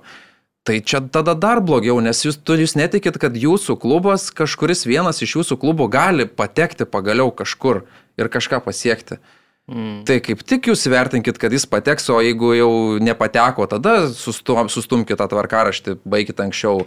Atvirkščiai viską žiūrėkit. O... Labai pyko Andrius Kerla po paskutinių rungtynių Tai irgi dėl pritariu, to, tai dėl to tvarkaraščio stumdymo, sakė, kad na, tikiuosi, kad paskutinis kartas, kai tai yra daroma, nes, e, na, sakė, paskui jau nenori daug išsiplėsti, bet iš esmės savo nuomonę pasakė. Gal taip parungtiniui einant, e, Žalgeris prieš Kauno Žalgerį minėjai, sudėtis kažkeninė tikrai buvo Vilniaus Žalgerio ir Dimašas pasidarė. Ir vartininkas baudinį, kurį Gratas irgi, e, Sirgėdas e, realizavo, taip, Tomislavas Duka, trečias, trečias Kauno Žalgerio įvartis, na, netmušė kamulio, nepagavo, įkrito tas kamuolys į vartus. Buvo 3-0 ir jau atrodė, kad visai ramus Kauno Žalgeris gali būti, bet tada Donatas Kazlauskas, tada Ovidijus Verbickas tuos du įvarčius pelnė ir intrigą sugražino. Tiesa, pavyko Kauno Žalgeriui Nukeliauti iki pergalės, pavyko nukeliauti iki sidabro medalių, dar kartą galima, galiu atsiprašyti viešai uh, Roko Garasto, kurio, na taip, galimybėmis likti suabejojau Kauno Žalgerio komandoje, bet buvo parodytas pasitikėjimas ir tikrai davė labai didelių vaisių, atsimenam, iš kokios duobės iš esmės turėjo lipti Kauno Žalgeris. vietos ir atsilikę dar ten gerokai buvo. Tai jo, buvo ten ta lentelė, kurią patys įsikėlė, ten berots, ten jie devinti ir kešlinto Taip, 10, taip, taip, 10 ten taip. taškų ir kiek ten turėjo ir galiausiai viskas baigėsi antra vieta. Nu jo, nuo to laiko, man atrodo, kažkas skaičiavo, kad jų ten tas points per game, tai jie ten praktiškai, nu ir buvo antry iš esmės antra komanda čempionate. A, šiaip džiaugiasi labai Rokas Garastas, džiaugiasi ir visa Kauno Žalgerio komanda, galima suprasti, pirmas įdabros klubo istorijoje. Šiek tiek dar apie Vilniaus Žalgerį palieka komanda Mantas Tamulionis, a, vartininkų treneris. Kiek netikėtas galbūt buvo toks a, sprendimas, kiek žinau, siūlyta buvo pratesti sutartį jam, bet a, pasirinko kitus karjeros kelius, kol kas neaišku, kur jie nuves. Bet matysim, įdomus sprendimas, palik čempionišką komandą, tokią gana šiltą vietą, sakyčiau. Bet uh, toks karjeros kelias ir žiūrėsim, kur jis nuves. Sunku man Gal tam žalgerį, su- ne? Ką? Man tam nelengva žalgerį. Jo, ir man tas kuklys vakar vėl išstojo, fei- na, vėl išstojo Facebook'e su pareiškimu, dar kaip tik žurnalistų turnyre buvau, žiūriu, man tas kuklys paminėjo įrašę, nu, jau čia galvoju, bus įdomu ir klausė ten viešai, kokios čia aš istorijos liudininkas buvau, tai man tai rašiau ir po tos visos istorijos ir Marius, kiek žinau, irgi rašė, bandė susisiekti, bet Aš panašu, kad tik e, Facebook'o komentaruose galim bendrauti. Šiaip, e, jeigu man tas būtų atrašęs ar paskambinęs, aš tikrai jam būčiau viską papasakojęs, kas ten turima omeny ir kiek ten, koks ten tikrai nebuvau joks liudininkas tos situacijos, tiesiog gal Vilmo Venslovaitinė ne tą žodį parinko. Pasakydama, apibūdindama tą situaciją, ji Na, vis, viskas, ką jį turėjo omeny, tai kad buvau Bratislavoje tuo metu ir ėmiau iš jos interviu, kai paklausiau ir paminėjau, kas kokią nuomonę sklinda viešojo erdvėje, kurią, na, 11 tada išplatino, va toks tas mano liudininko statusas viso šito istorijoje, kad, kad buvau Bratislavoje tuo metu, kai, kai visa tai išėjo. Tai nuo joks aš neliudininkas, šiaip tikrai man tai, jeigu, jeigu nori, jeigu Kita galim pasišnekėti. 9:30. Arba 9.30 kitą pirmadienį, arba tiesiog, na, man atrodo, kad galim tiesiog dviese pasikalbėti ir bū- būtume viską išsi, išsiaiškinę ir ne, nereikėtų ten socialiniuose tinkluose uh, aiškintis vat, ir, ir, ir tagint vienas kito. Galima daug paprasčiau šitą, šitą situaciją išspręsti. Mariau, matau, už galvos susėmęs. Ai, neturėjau komentarų jau, kaip, kai... ne, gerai, jau man šitą situaciją, nežinau, kuklio, tai, tai jau, nu, kažkas kažką pasako, kažkas kažkur komentuoja, kažkur, nu, tai, man atrodo, reikia užrišti mazgelį ir, ir, ir, ir, ir, ir baigti šitą, ir istoriją, ir laidą. Laidą baigti, dar palauksiu laidą, dar, dar. Hegelmanas su, su riteriais dar, žinok, žaidė ir ten uh, Grigaravičius Paulauskas mušė po įvartį labai greitą antro kelnio pradžioj. Uh, Kaip minėjai, Karašima iššovė. Ir uh, riterių ta pabaiga tikrai buvo įdomi. Nebuvau toj laidoj, kai kalbėjot apie tuos du prasikaltelius uh, riterių, kurie, na, buvo atkabinti nuo komandos, išdavė komandą, kaip treneris pasakė po, po vienų iš rungtynių. Na ir šiaip e, kalbėjausi su vienu tokiu futbolo e, žmogumi po, prieš kurį laiką ir e, jam tai pranašiškai pasakiau, kad e, vienas iš rinktinės jaunųjų futbolininkų galiausiai futbolininkų kažin ar bus pagal savo požiūrį, pagal savo elgesį ir pagal savo profesionalumą. Tai nepraėjo daug laiko ir Artūras Dolžnikovas buvo atkabintas nuo, nuo rinktinės, nes, na, žmogus, na, nežinau, ar tai galima sakyti, kad turi problemų, bet turi tikrai problemų su, su savo požiūriu ir profesionalumu. Tai įdomu bus pasižiūrėti, ar pavyks jam su tuo susitvarkyti, bet, na, matom, kad, kad e, tikrai tai labai kišakoja šitam žaidėjui. Nors talento yra, galimybių kilti aukštyn tikrai yra, bet reikia, na, pasidaryti išvadas ir reikia sureaguoti į tokius sprendimus, nes jeigu tu sezono finišė esi nuimamas nuo komandos, reiškia, kad, nu, tikrai ne, ne, ne, ne šventasis buvai. Ir plus buvo nu, svarbus labai žaidėjas ir dabar nusibraukti, nusivalyti tą dėmę, kur, kuri užsidėjo jo karjeroje, jo CV, visi klubai, kurie žiūrės, taip mes Lietuvoje galim gal pro pirštus pažiūrėti, nes ir pagal, dėl tų trijų žaidėjų lietuvių taisyklės, tiem tie lietuviai svarbus, tai čia gal šansai jisai tikrai gaus, bet jeigu jisai turėdamas tikrai talentą, man pikčiausia, kad mes turim tų žaidėjų tikrai talentingų. Pavyzdžiui, tą patį Mindaugo koloną turėjom tokį žaidėją, aš atsimenu rungtynės, mes žaidėm Lietuvo Latviją, varžovų treneris, Latvijų treneris atsėdė, sako, mes nieko negalim padaryti prieš lietuvius, nes jie turi Mindaugo koloną.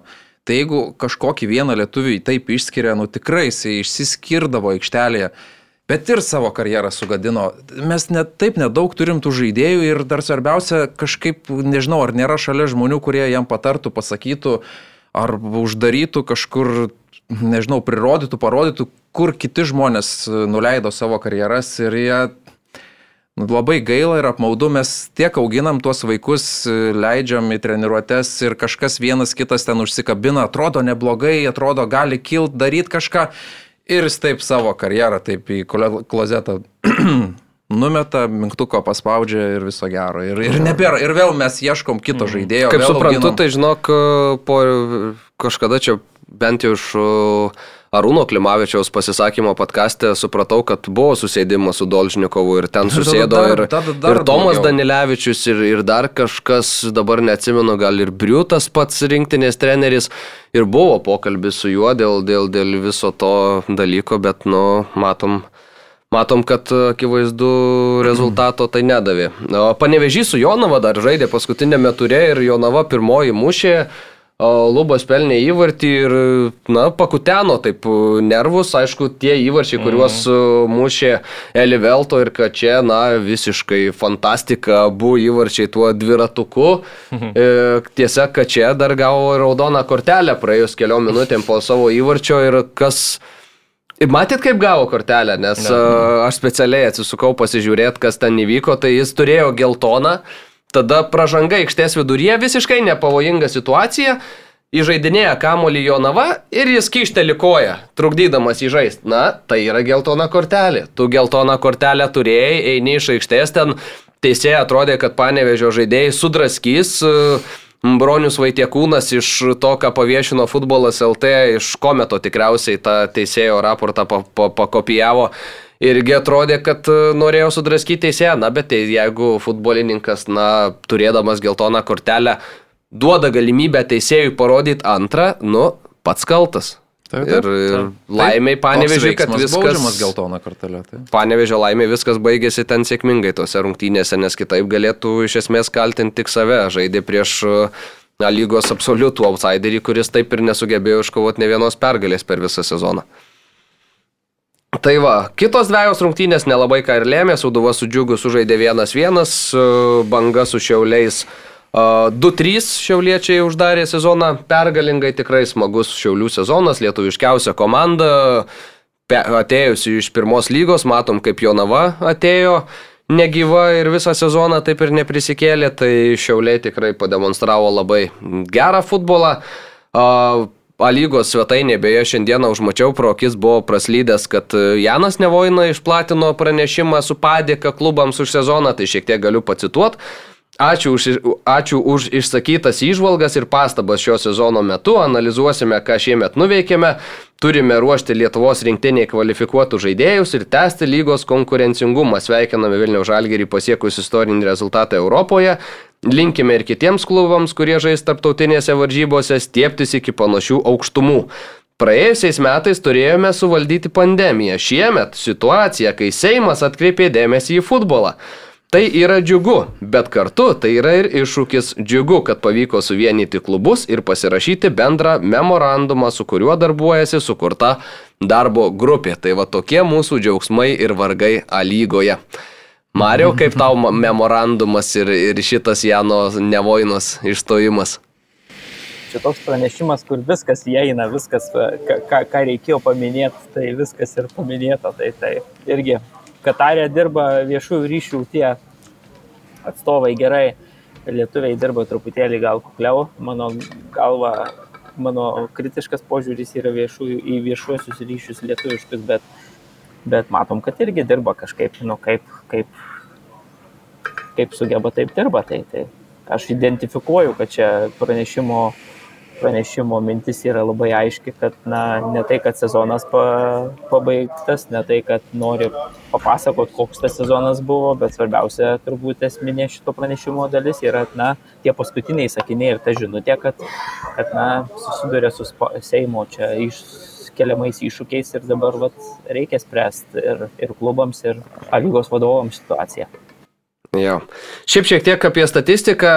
Rezultatyviausias sezono žaidėjas Renanas Oliveira su 17 įvarčių Ščebetūnas prisijungė sezono eigoje prie Šiaulių ir Armanavičius turi po 13. Armanavičiu, aišku, šitas rezultatas dar a, neuždirba vietos Lietuvos rinktinėje pagal Brių filosofiją. Kulėm bombo 11 ir Filipavičius 10.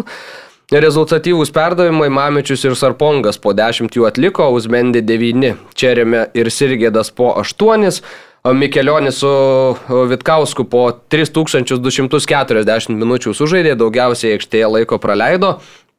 trečias Švetkauskas, ketvirtas Lekietas, penktas Norvilas, Kortelės, Ankudinovas e, čia lyderis, šešios geltonos, dvi raudonos ir ta, tuo, tada keturi bangos futbolininkai dalinasi antrą, penktą vietas, Točkūnas, Žebrauskas, Norvilas ir Pinto. Tai matom, kad na, pasistengė ir bangos su jaunimėlis ir ne tik sujudėjo šituose. Bent kovoja, gerai. Kova, kova Jo. akivaizdu buvo.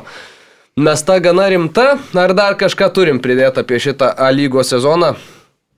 Ne. Ne, turbūt e, jo, tas vienas dalykas, kad kažką reikia daryti su to tvarkaraščiu, kad na, negali taip ilgai tęstis ir, ir tiesiog reikia pergalvoti tas visas vasarinės pertraukas, aš manau, šitoje vietoje, nes tikrai nesolidžiai atrodo, kai visos komandos laukia, kol Žalgeris sužais savo atidėtus mačius ir tada išeina jau per pasaulio čempionatą sužais paskutinio turo svarbaus. Tai prie tokio oro ir dar vykstagi dabar perinamosios toliau, tai dargi sezonas. Tai aš vat apie dabar apie tai norėjau pasakyti, Tai kad žaidžia. Neptūnas žaidžia su Telšių džiugu, džiugas laimėjo pirmas rungtynės 4-0 ir panašu, kad uh, Klaipėdos Neptūno klubo direktorius Tadas Vaitkus uh, tą sekmadieninį atsikimšo vis dėlto vakare. Uh, Kad kada ne, Neptūnas buvo prieš tai sužaidęs paskutinės rungtynės? Seniai, prieš tris savaitės, man atrodo, pirmoji lyga, pirmo lyga baigėsi. Tai kaip jie dabar čia Tai podkastas mūsų kolegos pasidalino Klaipėdos Neptūno direktoriaus komentarai socialiniuose tinkluose į komentarą. Nu nieko dar atsilošit klumpakojai, Tadas Vaitkus atsakė, mes tai atsilošim džiumbras, o kokios tavo perspektyvos? Tada Marijus e, rašė, rašykit laiškus, Tadas Vaitkus jam atsakė, mes tai parašysim, bet tu jų neperskaitysi, nes barankos sumaišys iki pašto dėžutės, nueit nukrisi antram aukšte burbulę. tai tai va tokia, tokia asmenybė beldžiasi į A lygą ir panašu, kad neprisibel, sakau, kai sekmadienį atsikemši geriau nuo socialinių tinklų jau toliau pasitraukti, jeigu tą polinkį pakomentuoti turi, nes solidumo tai tikrai nepriduoda. Klaipėdos Neptūno organizacijai tokie išstojimai, bet, nu, rimti, rimti bet reikalai. matom ir pasaulio čempionate būna solidžių išstojimų. Tai. Nu jo. Ką vyrai? Šiandien tiek skrienčio kamulio laidoj. Dėkojam Mariui Bagdonui už prisijungimą iš Kataro, dėkojam Aurimui Tamulioniui ir Karoliui Dudėnui. Aš man tas Krasnickas, Krasnickas geros jums ateinančios savaitės su futbolu, gero jums laiko, smagaus to futbolo, skanios vištutės. Jo, mes baigiam, einam valgyti greičiau. Einam, jau einam, ei- einam, suvalgysim tą, ką turim čia pas save ant stalo. Aivarą irgi pavaišinsim, kuris ten už pulto sėdi pas mus visas suplukęs. Tad e, ką, viso geriausio.